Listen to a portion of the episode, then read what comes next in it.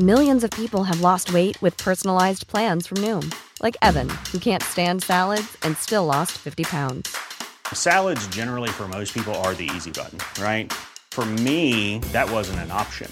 I never really was a salad guy. That's just not who I am. But Noom worked for me.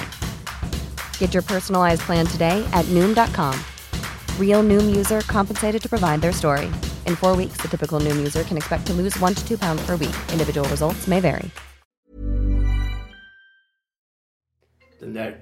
Den här bruden som du håller på med, eller förälskade. Prata inte för mycket nu. Det här är en podd. Ja. Kan vi klippa tillbaka? Ja, jag får klippa i början Nöden har ingen. Avbryt Välkommen till podcasten Cyril och Stig. Cyril, det är jag, Cyril Hellman. Stig är författaren Stig Larsson. Och idag sitter vi på Teater Giljotins scen med skådespelerskan Andrea Edwards. Hon framför här eh, fram till mitten av februari eh, monologen Scum Manifest av Valerie Solanas. Scum står då för Society for Cutting Up Men. Tror, tror vissa. Okej, okej.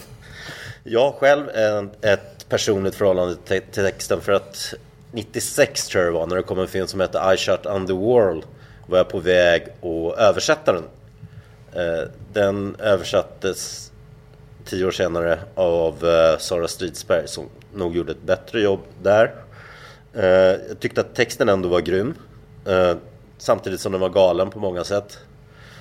Och sen det som tog emot lite var att eh, min pappa i sin tur var för, på 70-talet på väg att översätta Warls eh, filosofitext From A to B and back again. Så min pappa blev vän med Andy Warhol och jag träffade honom två gånger när jag var 11 och 13. Och jag tyckte det var en väldigt snäll, fin, för att inte säga nästan kärleksfull man. Och jag hade svårt för att se den feministiska handlingen i att skjuta en homosexuell konstnär. De här skadorna också som han fick ledde till hans för tidiga död. Och Stig, du, du, har inte ett för, du har inget personlig relation till texten. Du slängde boken ifrån dig när du läste den, när jag gav den. Men du känner Andrea sen över tre Jag känner. Andrea, men alltså texten tyckte jag var psykotisk och mitt förhållande till Andrew War eh, det sträcker sig till att jag, när jag jobbade på sjön på, på MS Kungsholm så var jag flitig läsare av, av Andrew Wars intervju. Eh, den betydde en hel del för oss och även tips om var man skulle gå ut i New York och så här, va? Och även när det gäller hur man ska agera i intervjuer. Jag tror att Andrew Ward har påverkat mig mer, det här har jag aldrig erkänt, eh, än någon annan när det gäller intervjuteknik. Att helt enkelt spela lite dummare än vad man, vad man är. Va? Ja, då kan ni ju göra det idag. Nej, det är, idag, idag är det jag som intervjuar. Nej, men alltså, han, han, han, hans intervju med Bianca Jäger till exempel, den är ju helt underbar. När han plötsligt säger, hon är ju engagerad för Nicaragua, va? Sandinisterna. Och då säger han, Bianca, are you a commie? Take, a, take another cookie. Ja. Men angående det där du pratade om Cyril, att eh, du kan inte förstå den feministiska handlingen i att skjuta en sån fin man som Andy Warhol. Eh, eh, Fin vet jag inte. Han kanske, hon, kan, han, hon såg väl det som att han Ja, exploaterat men jag vill bara henne. säga att för det första så måste man hålla isär. Ehm, antingen så bryr man sig om vad upphovskvinnan eller upphovsmannen till ett konstverk har gjort i sitt privata liv. Eller så bryr man sig inte om det. Vi har valt att inte bry oss om det. Eh, vi har inga preferenser till Valerie Solanas. Vi använder oss av hennes text. För det andra vill jag bara lite grann rätta till verkligheten. Att det var ju så att Valerie ingick i hans gäng och blev utfryst och hon hade då lämnat sin pjäs till honom. Eh, och när hon blev utfryst så gick hon dit för att be att få tillbaka den. Det var hennes livsverk. Den som just nu har översatts till svenska. Och då hade han tappat bort den. Så det var därför hon beslutade sig för att skjuta honom. Sen var ju hon, mådde ju hon inte psykiskt bra såklart. Det hände mig många gånger när jag var Jo, 20 jo, men det är självklart att, att man inte ska skjuta någon. Men hon sköt ju inte honom. Hon sköt ju honom för att hon var, hatade honom. Inte för att det var någon slags feministisk handling. Nej, det som jag tycker var konstigt där, det var att den i samband med rättegången mot, eh, mot henne då. så gavs den ju ut utav Olympia Press som har gett ut banbrytande underground-litteratur som Henry Miller och, och William Burroughs. Och så liksom var plattform för dem. Och den gjorde succé då. Men framförallt gjorde den ju succé i feministiska kretsar och, och det, det ska den ju för att det är en grym skrift som kommer vara ett pionjärarbete. Men då togs det ju upp liksom att det kom i, ett, i en kontext tror jag där, där ändå liksom där man Jo men det är klart att det blir komplicerat men ska man hårdra det så Cornelis Vreeswijk har försökt mörda två människor som han trodde var tjejer som visade sig vara killar och eh, Evert Taube, jag vet inte om det ryktet är sant men det sägs att han dödade någon stackare i Latinamerika och det, det är ju, kryllar ju av konstnärer som har begått fruktansvärda brott mot människor. Um, var ska man dra den gränsen då? Så att för mig är det lite grann man kan ha ett intresse av Aldrig Solanas privat mm. eller så ser man vad hon har skrivit för texter. Och det som en 16-åring som var här och såg föreställningen sa att hade inte hon skrivit den så hade någon annan gjort det förr eller senare som inte hade skjutit någon. Men det kanske inte hade blivit riktigt lika vass då. Mm. Men, men du sa ju själv att du tyckte texten var faktiskt obehaglig när du läste den, precis som Stig, att du slängde ja. ifrån dig den efter tio sidor. Jag tyckte att texten blev bättre nu när, när du läste den som monolog. Men det kanske också har hur du läser den som jag sa till dig förut. Jag tyckte du såg lite full i fan ut, att du inte tog kanske den helt på allvar. 100 procent. Det, hand, det handlar inte, jag tar den på fullständigt allvar men jag läser den ju inte bokstavligt. Och um, det är upp till var och en. För mig, för mig personligen så handlar detta om att män, sen säger jag ju flera gånger i pjäsen, alltså det är inte speciellt stora partier som handlar om att män ska dö. Och jag säger dessutom i slutet, eller Valerie Solana säger att män ska få överleva och odla kohagar. Nej, det... Men, men, men eh, den är inte bokstavlig, men den är, man ska ju ta den på djupaste allvar. Men för mig personligen så, så handlar det om att mansrollen ska dö. Och det tycker jag bokstavligt att den ska. Men vad är det som ska ersätta den? Att vi blir fria människor i fria relationer att, med varandra. Alltså när jag var och, titt, när jag var och kollade på den så var vi ju ungefär dubbelt så gamla som någon annan i publiken. Du och Cyril? Ja. ja.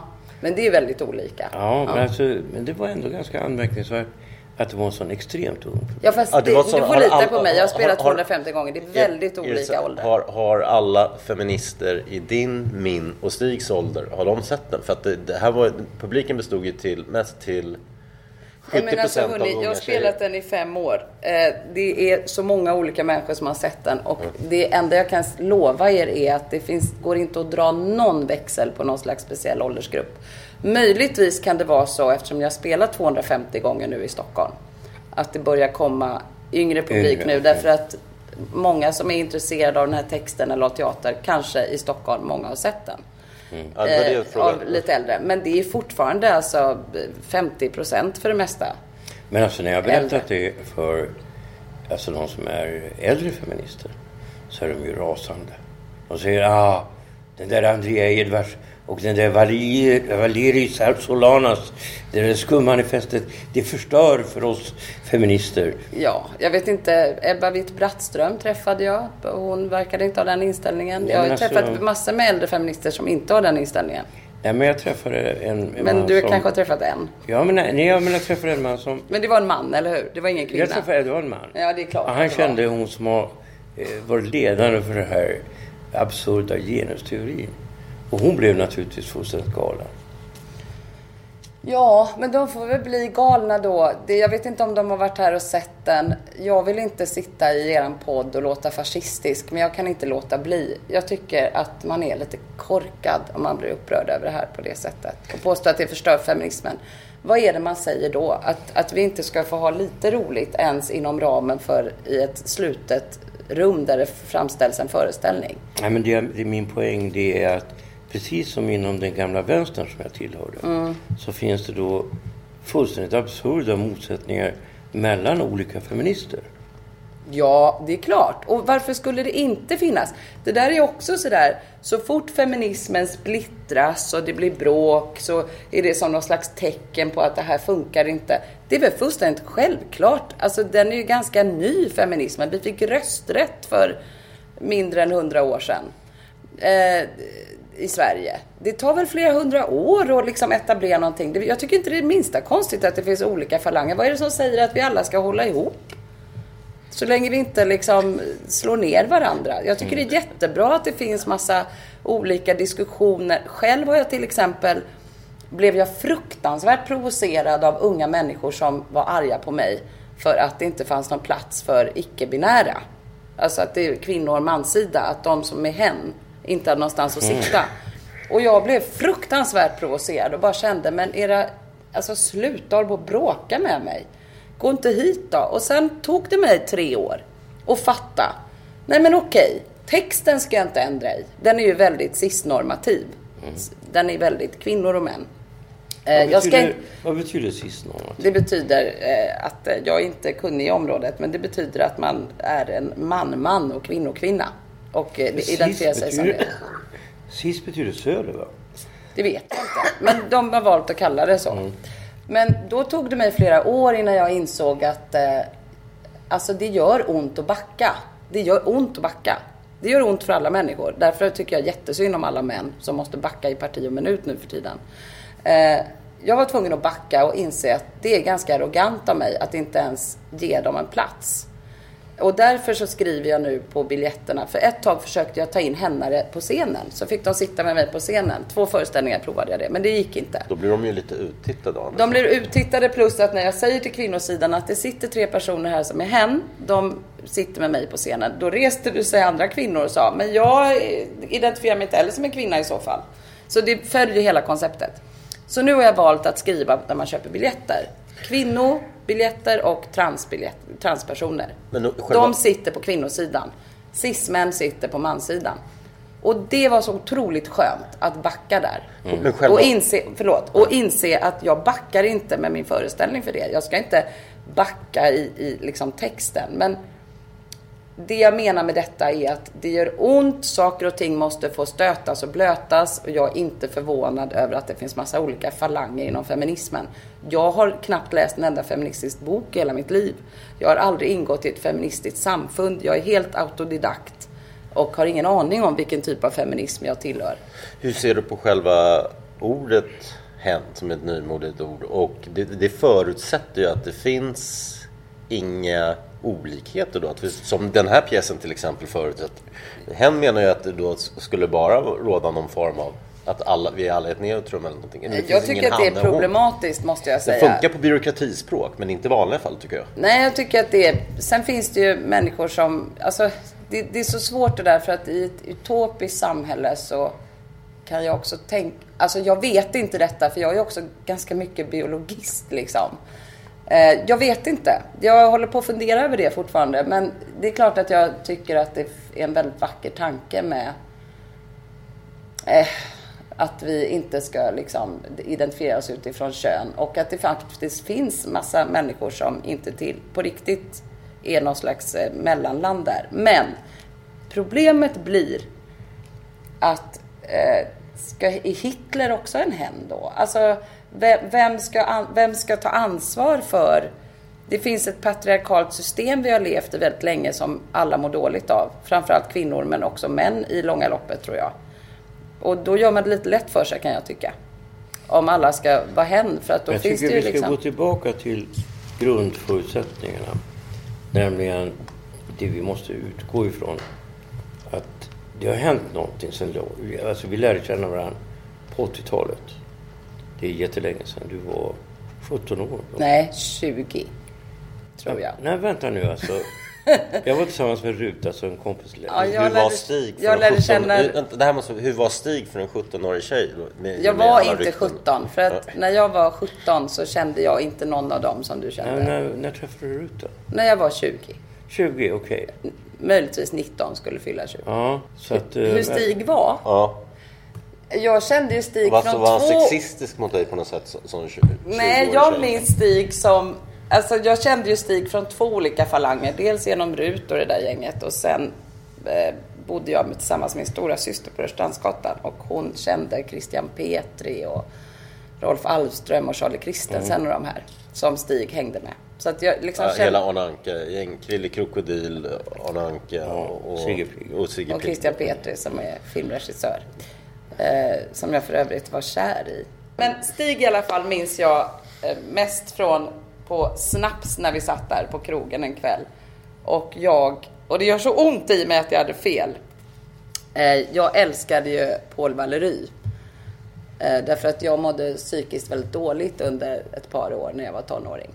Eh, så jag skrev in mig på barnpsyke då. Och då slukade jag hans bok Aforismer som att det var kalanka.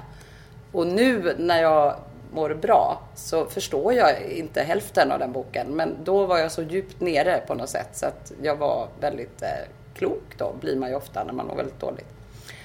Och då, och det här var ju efter det när jag träffade Stig och då påstod jag att han hette Jean-Paul Valery till dig. Och då står Stig där och han var ju den här uppburna, eh, fortfarande unga författaren bara, nej Andrea, han heter Paul Valery, men vad roligt att du känner till honom. Nej, han heter Jean-Paul jag. Och sen bråkade vi om det en hel kväll. Alltså, nej, det jag minns det är på Ritz. Ja, Vi, vi dansade med varandra och så säger... Alltså Andrea hon var en av de mest oförskämda människor jag har träffat i hela mitt liv. nej, jag var snäll också. Nej, du var väldigt, väldigt hård. I alla fall, då Ja. säger så här, Andrea till mig, vi dansar på Ritz. Och då säger hon, Stig, Stig, ta det lugnt nu. Vad var det nu då? Nej, alltså det här ser så äckligt ut. Du, du är ju lite äldre än vad jag är. Ja. Och så har du öppen mun när du dansar. Det hade du helt klart rätt i. Man ser imbecill om man Ja, och då säger ser så dem öppen mun. Ja, så kramade jag om det och sa Tack Andrea, jag ska aldrig göra så mer. Men det var ingen som hade sagt det. Nej, men det är faktiskt sant. Jag har sett trauma från jag var liten och alla Wien 70-talsfester. När människor stod... För när lite äldre människor dansar och släpper loss, då tappar de muskulaturen i ansiktet. Och det tycker jag var jobbigt när jag var 20. Nej, det var jättebra. Jag ber om lovar. ursäkt. Nej, det var, jag tackar Det var ett fint då. tips. Jag tackar dig då. Och sen har jag faktiskt aldrig gjort det mer. Jag har ändå alltid upplevt dig som en väldigt eh, så här, ovanligt självständig. Och vi har alltid haft en, tycker jag, bra relation. Men en ovanligt självständig tjej. Jag har alltid också undrat över det där. Vad är det som gör att vissa tjejer blir oförstörda på ett sätt? Alltså att de inte blir våp. Eh, vad är det som gör, alltså, ja, vi snackar ju om Solsidan nu för förra podden, för Wilhelm Spets är med där. Men jag måste det- fråga det vad är- du menar med våp. Ja men alltså man ser, eh, alltså andra säsongen, åttonde avsnittet med de här mammagruppen, med Mickans mammagrupp. Med de här kvinnorna som pratar med en oktav högre än vad man normalt sett kan prata. De pratar så här högt. Ja, men därför att vi lever i, i ett samhälle där det förväntas av oss. Jag Ja men det är konstigt. fruktansvärt. Ja, det är fruktansvärt sorgligt. Ja. Det är därför jag spelar den här pjäsen. Ja, och det där är ju någonting som jag menar... Jag menar att det är det ultimata kvinnoförtrycket. Och att det inträffar väldigt tidigt. Och att det är någonting som sker, alltså kanske i 12, 13, 14 års ålder när man börjar intressera sig för killar. Därför att det finns ett tabu. Det är att tänk om en tjej är smartare än en kille. Då kommer den här killen att känna sig rädd för den tjejen. Han kommer inte att stöta på henne. Och de enda tjejer som klarar sig, det är tjejer som antingen ser så bra ut att de vet att deras väninnor kan inte dissa dem. Därför att de har ingen rätt att göra det. För de är ändå snyggare än vad de är. Eh, Eller också att de kommer från miljöer där de har fått en sån självsäkerhet. De kommer från konstnärliga miljöer, akademiska miljöer, Ja, det- det- eventuellt adliga miljöer. Nej men det tror jag verkligen kan ligga någonting i. För att jag har ju eh, haft en uppfostran. Mamma startade ju Nationalteatern och sådär. Sen har jag ju levt med en pappa som har suttit och förklarat för mig innan jag somnar att det måste du förstå Andrea, att, att män gör sitt bästa för mänskligheten genom att sprida sin säd i så många som möjligt. Och kvinnor gör sitt bästa för mänskligheten genom att vårda och ta hand om. Så att jag har ju haft ganska tufft... Eh, Du, du hade en styvfar också. Din Nej, min styvfar riktiga sa- pappa. sa- sa Stig var jukkaturka. nej, det är helt fel. helt Han har regisserat min mamma. Aha, okej, okej, I två pjäser. För att han, det är en finländsk regissör som var känd för att driva sina skådespelare Han- han till psykiska och fysiska gränser. Ja, nej, mamma gillade väldigt mycket att jobba med också. Honom. Jag har träffat honom en gång i fem minuter. Ju- Men det här var min riktiga pappa. Skandalomsusad regissör. Men sen vill jag säga att jag har inte varit så självständig. Jag har tyvärr ägnat väldigt många år av mitt liv åt att vara olyckligt kär i olika människor, eller olika män.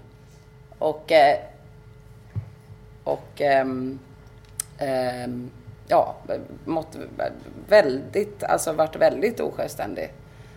Varit väldigt svag så på det sättet. Mycket svagare än mina, min syster och så. Men alltså det jag menar är det stora problemet. När jag tittar då på publiken. Alltså jag har ju fördomar, alla människor har fördomar. Men så är det ju de här killarna till de här medvetna tjejerna. De ser ju, de har nästan alla harskägg och toppluvor. och Inomhus, ser- toppluvor och utomhus. ser väldigt, jag skulle säga att de ser väldigt svaga ut rent fysiskt. Eh, alltså jag skulle kunna gå en match mot dem i en boxningsring. Many of us have those stubborn pounds that seem impossible to lose, no matter how good we eat or how hard we work out. My solution is PlushCare. PlushCare is a leading telehealth provider with doctors who are there for you day and night to partner with you in your weight loss journey. They can prescribe FDA-approved weight loss medications like Wagovi and Zepbound for those who qualify. Plus, they accept most insurance plans. To get started, visit plushcare.com slash weight loss. That's plushcare.com slash weight loss. Millions of people have lost weight with personalized plans from Noom, like Evan, who can't stand salads and still lost 50 pounds. Salads, generally, for most people, are the easy button, right? For me, that wasn't an option. I never really was a salad guy. That's just not who I am. But Noom worked for me. Get your personalized plan today at Noom.com. Real Noom user compensated to provide their story. In four weeks, the typical Noom user can expect to lose one to two pounds per week. Individual results may vary. Alltså jag måste berätta den här historien. Vänta, Men vänta, jag vänta, vänta, vänta, vänta, vänta, vänta, vänta, Det här jag är ska väldigt inflika. manligt Vänta. beteende. Ni ser en föreställning med 20 män och sitter och berättar vilken typ av publik det är som går på skum. Det råkade vara många eh, små killar med toppluvor, den föreställningen ni såg. Ni, har, ni kan inte dra några växlar. Okej, Vänta, vänta, vänta, vänta. Eh, Katarina Janosch, som är kvinnlig Ja, författare, vet hon är. skrev en nyligen en ganska eh, underhållande krönika om att de här männen i Sofo har dragit feminismen och, och liksom sympatin med feminismen lite för långt när de har börjat bli rädda för patriarkala mönster i sängen till och med. Lever du som du lär? Den här typen av man du skulle dras till? De här? Nej, alltså jag är ju... Nu har de skojat om mig i en annan podd som heter Februaripodden. Så de har använt två program åt det. Så jag kanske inte... Men det var ju så här som jag även har med i min dokumentärfilm. Att eh, det var ju ett, ett gäng män och såg en föreställning som intog scenen direkt efteråt och satte sig i ring. Så när jag skulle gå in till min loge så tittade jag på dem och sa, vad gör ni här? Eh, Oj, förlåt, vi var tvungna att ha ett akutmöte, säger de, för de var så skärrade.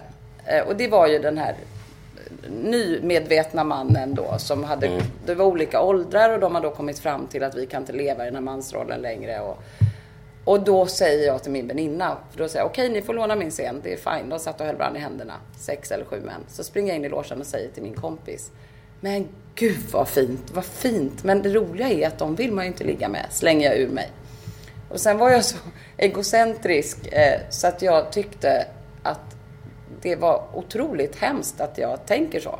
Så då gick jag tillbaka till dem och berättar för dem att jag sa så om dem. Ja, gjorde det? Ja, och frågar om jag fick prata med dem om det här.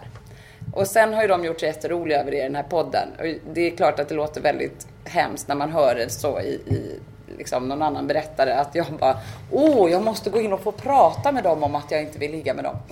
Men det är klart att det Jag tycker du finns... skulle ligga med dem istället för att vara snäll. Nej men det är klart att det finns ett problem även för mig. Jag är också uppfostrad med att män ska på något sätt eh, ta hand om och vara trygga och starka åt mig. Ehm, Vi lever ju i en struktur så då behöver man ju sätta sig i en grotta om man inte ska påverkas av den och det har jag också gjort. Och det kan jag väl tycka är ett problem. Jag förstår att det är väldigt svårt för många män att, att, att jag vet att många män känner att vad fan, vem är jag och hur ska jag vara? Hur ska det vara för att det ska vara bra då? Ja, nej, men jag vet. Alltså det fanns ett ställe på Söder som hette Roxys. Som var sån här lesbiskt ställe. Det visste inte jag. Jag gick dit. Och där knallade du in. Ja, jag och Thomas Lappalainen gick dit. Jag tyckte de hade så god mat. Så jag dejtade en brud och vi gick dit. Och eh, så var jag ute och rökte en cigg. Och så upptäckte jag, fan jag är enda snubben på hela stället. Så jag säger till de här tjejerna, alltså ursäkta mig men är ni lesbiska? Ja, och det är du som är Stig Larsson och du är emot oss homosexuella. Nej, vänta nu lite grann. Alltså jag är kristen, bibeltroende kristen.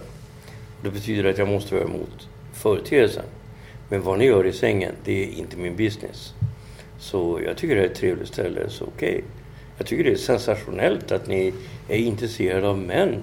Eh, Jag tycker män är, är ganska oestetiska. Så jag förstår det. Men jag måste fråga, varför är de, du... ja, men, kom med till högkvarteret. Så jag blev bjuden, och jag och den här tjejen, vi blev bjudna på sprit hela kvällen.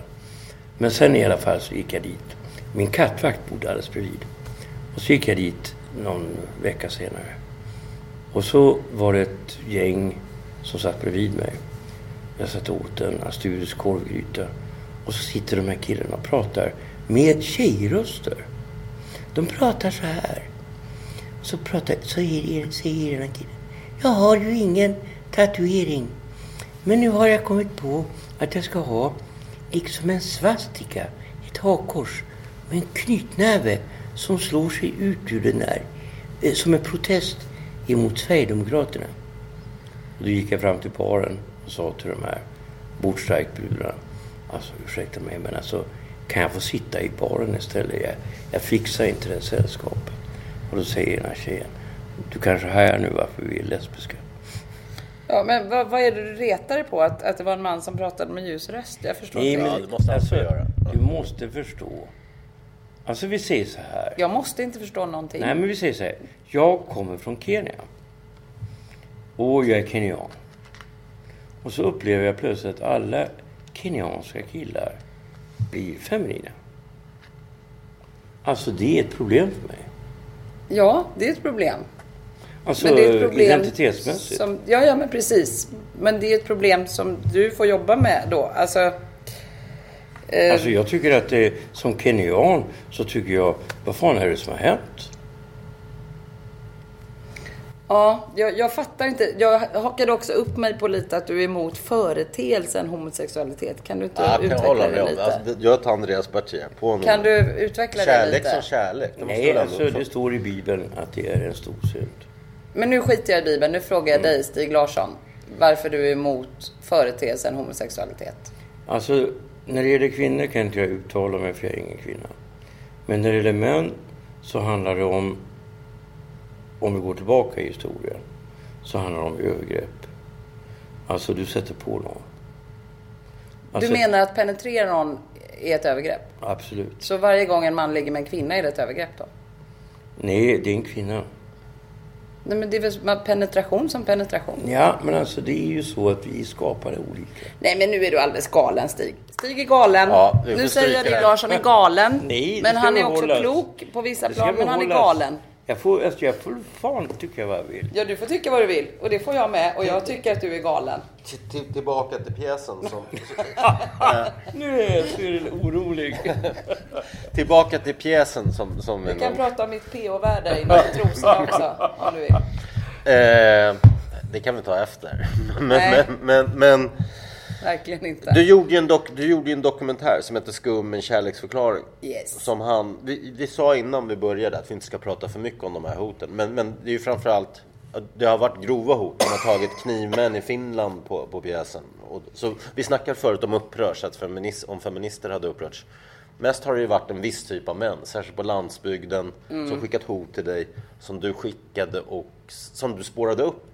Och, och, I filmen, ja. Ja, Mm. och sökte upp i filmen. In- Tre av dem. Och det var, alltså, det var ju väldigt underhållande och Mm. du hanterade ju dem ganska bra. Man, men alltså, de hade ju skrivit grova kränkande grejer till dig. Mm. Men samma sak där, det kändes som att du inte tog dem på riktigt allvar. Man tyckte faktiskt lite synd om dem. Det kändes som att det var män mellan 45 60 Nej, det var som en- har förlorat en sin 23-årig. manlighetsgrej Ja, och så var det en snarare, 23-åring vi som var med också. Ja, Ja. Ja. Vad, ska, vad, vad är frågan? Alltså, det är klart att jag tycker, synd, jag tycker synd om alla människor som har hamnat så Nej, fullkomligt ser, på snett på, hur spår. ser du på de här och varför? Du, du gjorde ju ändå filmen så du måste ju ha berört det. Deras. Nej, men jag var helt enkelt nyfiken. Det var en sån logisk kullerbytta det de höll på med för mig. Så att jag ville faktiskt veta vad som, vad som låg bakom. Och det visade sig också då, jag fick ju det bekräftat, därför att det som inte är med i filmen är att bland de första, det var ju inget hot, men den första reaktionen jag fick innan alltihopa satte igång med alla bloggar och allt, precis efter premiären så fick jag ett, ett eh, långt, långt, nej, då är det en man på Facebook som uttalar sig om mig. Den här obegåvade skådespelaren André Edwards. Och då blev jag lite uppretad. Så jag retades med honom och addade honom på Facebook. Och då får jag ett trevligt meddelande tillbaka. Hej, jag vill absolut inte vara ohövlig. Jag eh, bekräftar bara vän, vänförfrågningar där människor jag har träffat eller som jag känner. Och därför så säger inte jag ja till din vänförfrågan. Ta det verkligen inte personligt. Och det var precis vad jag ville för då hade jag någon på kroken. Så då skrev jag tillbaka som ett privat meddelande. Nej men exakt, vi har ju aldrig träffats och känner inte varandra. Och då undrar jag hur du kan uttala dig om att jag är begåvad eller obegåvad skådespelare. Så att eh, det kan du väl ta tillbaks då om du nu inte vill bli min vän på Facebook. Och då kom det en roman som handlade om varför han då hatade skum och det jag gjorde. Och då började han berätta så här. Först när jag kom till Sverige, han, han eh, eh, kom från Jugoslavien. Först när jag kom till Sverige så blev jag tillsammans med en tjej som visste att jag var allergisk mot katter. Och det första hon gjorde var att skaffa en katt. Och sen var det bara upprepningar, rader så här av olika kränkningar han har varit med om i sitt privata liv av kvinnor. Och det har varit väldigt, eh, de män jag har träffat som har hotat eller försökt stoppa skum, det har varit väldigt genomgående hos dessa män att de är kränkta. Den, en av männen i filmen har ju kämpat i sju år för att få vårdnaden av sina barn. Och han har säkert haft ett helvete. Eh, därför att det är ju det området där det faktiskt är väldigt Det orättvist. finns ojämlikheter. Ja, verkligen. Men det beror ju också på att så länge männen bara står för 23 procent av pappaledighet eller vad det nu är. Jag har inga siff- exakta siffror. Eh, alltså, ju mer männen börjar ta ansvar för sina barn, eh, ta, vara hemma med sina barn, desto mer kommer det också jämnas ut. gör det. Det är på väg att göra det. Precis. Men det, han hade haft ett helvete och det är väldigt tydligt hos många män att de har svårt, tycker jag, att separera privata eh, saker från strukturer. Utan har de blivit illa behandlade, och det är alltid det jag brukar säga, att sitter man och är 50 år i Linköping och har blivit av med sitt jobb, eh, frun har stuckit, man har aldrig slagit någon kvinna, man har alltid varit schysst, man har betalat sin skatt. Och så kommer feminismen och säger att du är en maktutövare. Det är klart att det föds en enorm frustration i de här människorna. Men det har också med vårt kapitalistiska och patriarkala system att göra, därför att det är ett pyramidsystem. Och om man som man inte är i toppen, då är man en skit i vårt samhälle. Och är man en skit och får höra från kvinnor att du är en maktutövare, då skapas det en frustration. Precis som det gör hos mig. När jag får höra att jag är vit västerlänning som är ansvarig för massa rasism. Då känner jag ju precis som män känner i feministfrågan. Jag är ingen rasist. Jag är uppvuxen, uppväxt i en vänsterfamilj. Jag har aldrig... Men där handlar det också om att backa. Nu har jag insett att jag är en del av en struktur som är rasistisk. Och jag har massor med rasism i mig som jag kämpar för att bli av Det, med. det, det är väl det jag kan känna med, med, med svenska feministrörelsen här. Att, att, att det finns så mycket andra orättvisor. Det, om du till exempel kommer som flykting till Sverige. Eller som till exempel jag var i Syrien och Irak nu i våras och stred med eller var med och filmade när de stred, kurdiska kvinnor. De slåss för en annan sak. Tusentals år av hederskultur och att inte bli våldtagna av is. Och då känns det som debatten här, den feministiska debatten här med, med att Oj, man, han, mannen på mitt jobb får 500 spänn mer i lön och vi måste ha kvotering. Och Fast det har den inte- känns marginell i, i, i Nej men det tycker jag inte den behöver göra. Vi Nej, det, det, det är klart att samhället inte med. är inte bra håller för jag att det är helt jämlikt. Men det, känns, Andrea. det finns så tycker- mycket andra orättvisor också. Faktiskt. Jo, jo, fast ingenting, ingenting säger att man inte kan engagera sig i orättvisorna i Syrien även om man kämpar för att det ska bli jämlikt i Sverige. Jag tycker att rent principiellt sett så bör man lagstifta om det här med lön. Alltså jag tycker att det är Men det handlar ju inte om kön. Nej. Det handlar om att män är bättre i att förhandla och är hårdare i Ja, men vad förhandlingar. ska alltså, det- där med lön, alltså, det är Så- jätteviktiga frågor, lön och allt det där som går att lagstifta. För mig personligen så är jag mycket mer intresserad av den här andra stora, det- sociala, eh, vårt sätt att vara med varandra. Vem tar plats i ett rum? Hur ser vi på varandra? Ja, men Hur där- ser kvinnor på varandra som tar mycket plats? Eh, alltså det är ju hela från att man föds till man dör. Så man, Jo, det är precis där- som min svarta kompis som blir påmind om att hon är svart så, hon, hon, så fort hon går ut och köper en liten mjölk. Även om hon är född i Sverige. Ehm, så det, det, och det, där har vi jättemycket kvar att göra. Ja, men alltså där menar jag, alltså när det gäller de ekonomiska sakerna, där är det så enkelt. Där, där är det bara att säga, nej men du kan inte ge olika lön bara för att det är olika kön. När det gäller de andra sakerna så är det mycket mer komplicerat. För när det handlar om sexualitet och så, så handlar det om alltså tusenåriga rörelser som vi inte kan på ett möte bara besluta, nu ska vi ändra på det. Nej, det tar jättelång tid. Alltså det kommer att ta flera hundra år. Det finns en amerikansk biologiforskare, en man. Det var så fruktansvärt roligt för han var nämligen emot feminismen. Och han sa så här, och jag skrattade så jag dog när jag läste det. Han sa att nej men snälla, feministerna måste sluta. Alltså att ändra en struktur på det sättet som de försöker göra, det kommer ta 700 år. Däremot så har jag kommit fram till, så han, att gossar föds med en gen som gör att de har svårare att känna empati. Som Ja, men det- det stämmer. Så, Det så ska, ja, och det roliga var att han pratade precis som skummanifestet utan att han visste om det. De föds med en gen. Jag vet att det skulle räcka att ge gossar, när de är små, en hormonspruta som man ger AD-droppar. Så skulle vi jämna ut alla problem på en gång. Och det var så komiskt att det sitter en man och pratar om att det hela är att ni har en liten brist.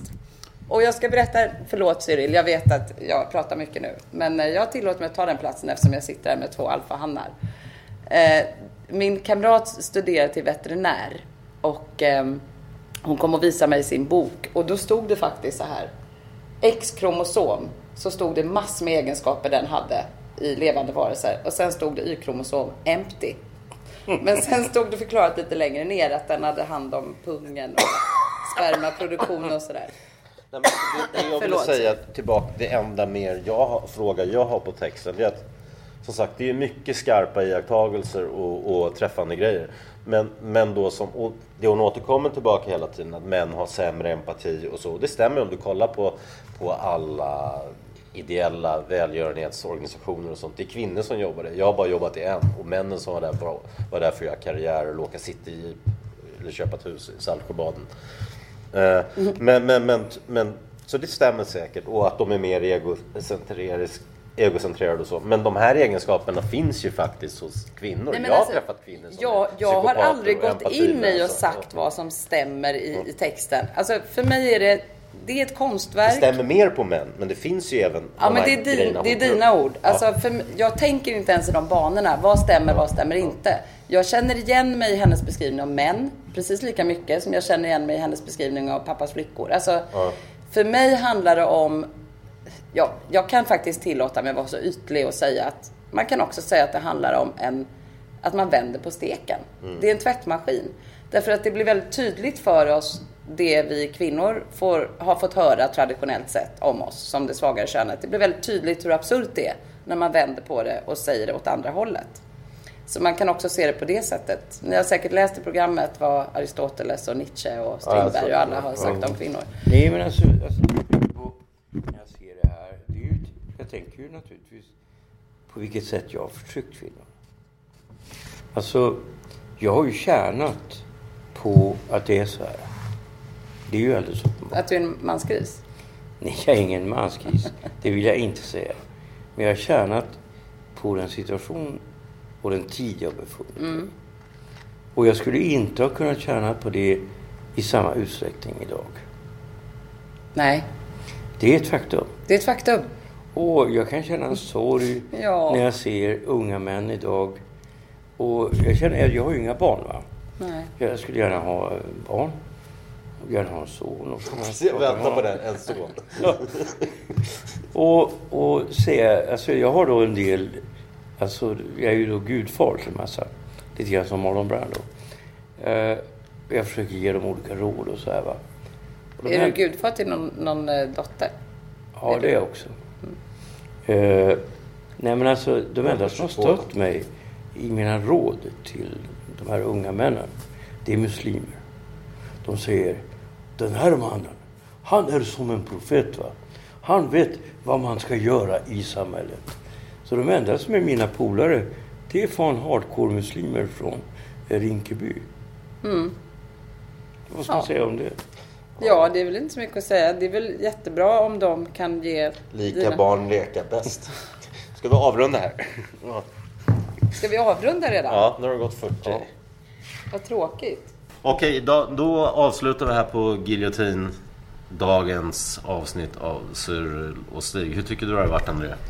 Eh, Jag tycker att som vanligt när man är med i intervjusituationer eller samtal så är det för kort och eh, lite stressigt. Annars så tycker jag att det har varit eh, givande på olika sätt. Jag tycker att du var bra. Det här är ju andra gången. Du var bättre den här gången. För var, man lär sig ju liksom gång för gång. Va? Och man märker ju också när man går- börjar gå på tomgång. Då lägger man av. Där avslutar vi. Vi ses nästa vecka.